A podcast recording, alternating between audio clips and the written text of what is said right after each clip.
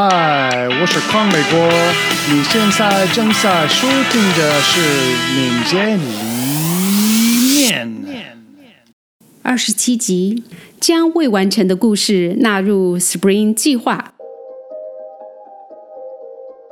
你可以通过邮箱 Brandon da Linton at a c c e n t u r e dot com 或者 Twitter 联系到布兰登·林顿。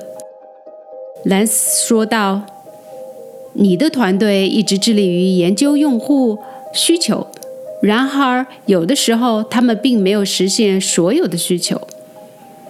在上一集中，我和布兰登·林顿讨论了如何将未完成的需求进度记录到你刚刚完成的 Spring 中。现在，我们将继续讨论：当你把这些未完成的需求或者带入需求们带入到下一个阶段的计划中时，你该如何处理它们？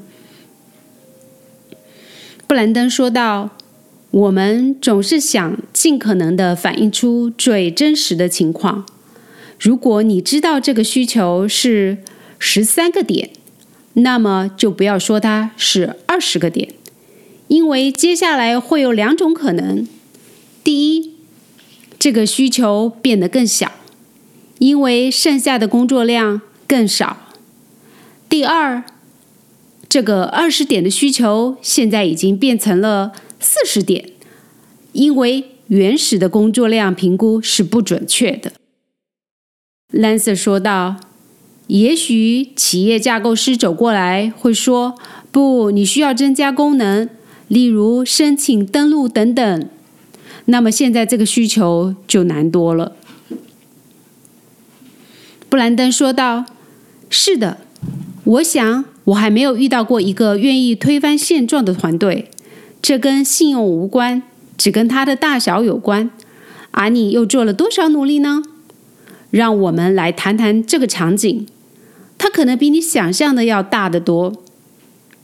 这有助于团队更好的理解工作速度，尤其是当你遇到了一些需要做这种改变的事情。如果……”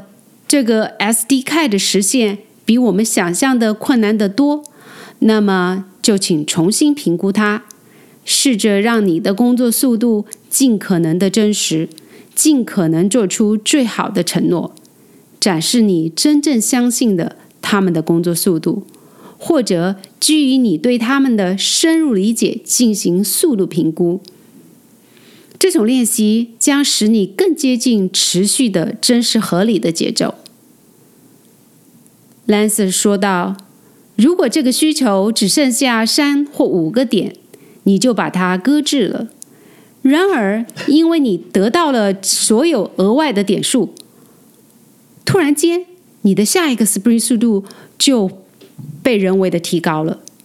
现在，你并不能真正的去计划它。”这与你的计划无异，布兰登说：“是的，你的意思是，如果你完成了一个二十点的需求，而他实际上只需要付出三个点的努力，那么你就通过虚假的方式提高了你的工作速度。在下一个 Spring 中，这给你的利益相关者设定了一个虚假的期望。你也可以这么做，对吧？”因为你们是一个 Scrum 的团队，对吧？你认为你应该能够坚持下去，那么你就是这样惹上麻烦的。Lance 说道：“简单来说，在已经完成的工作中，速度等于需求点。当你使用 Spring 计划来规划未完成的工作时，不管你在之前的 Spring 中已经完成了多少工作。”你都必须对剩余的工作量进行重新评估。Lance 说道：“布兰登，请问该怎么联系您呢？电子邮件或者 Twitter？” 布兰登说：“我现在根本记不起我的推特了，它主要是用来发牢骚的。”Lance 说道：“如果你有任何问题，你可以在推特上对布兰登抱怨，就像我们在这个播客上说的一样。”你可以在推特上找到他，当然也有可能是布兰登·林顿在推特上搜索到你。布兰登·林顿是这样拼 L I N T O N。因为为了保险起见，我再说一下邮箱是 B R A N D O N 的 L I N T O N Brandon 的 Linton at a c c e n t u r e dot com。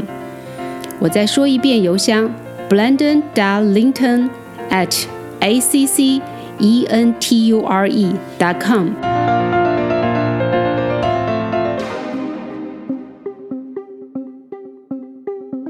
你喜欢读悬疑书吗？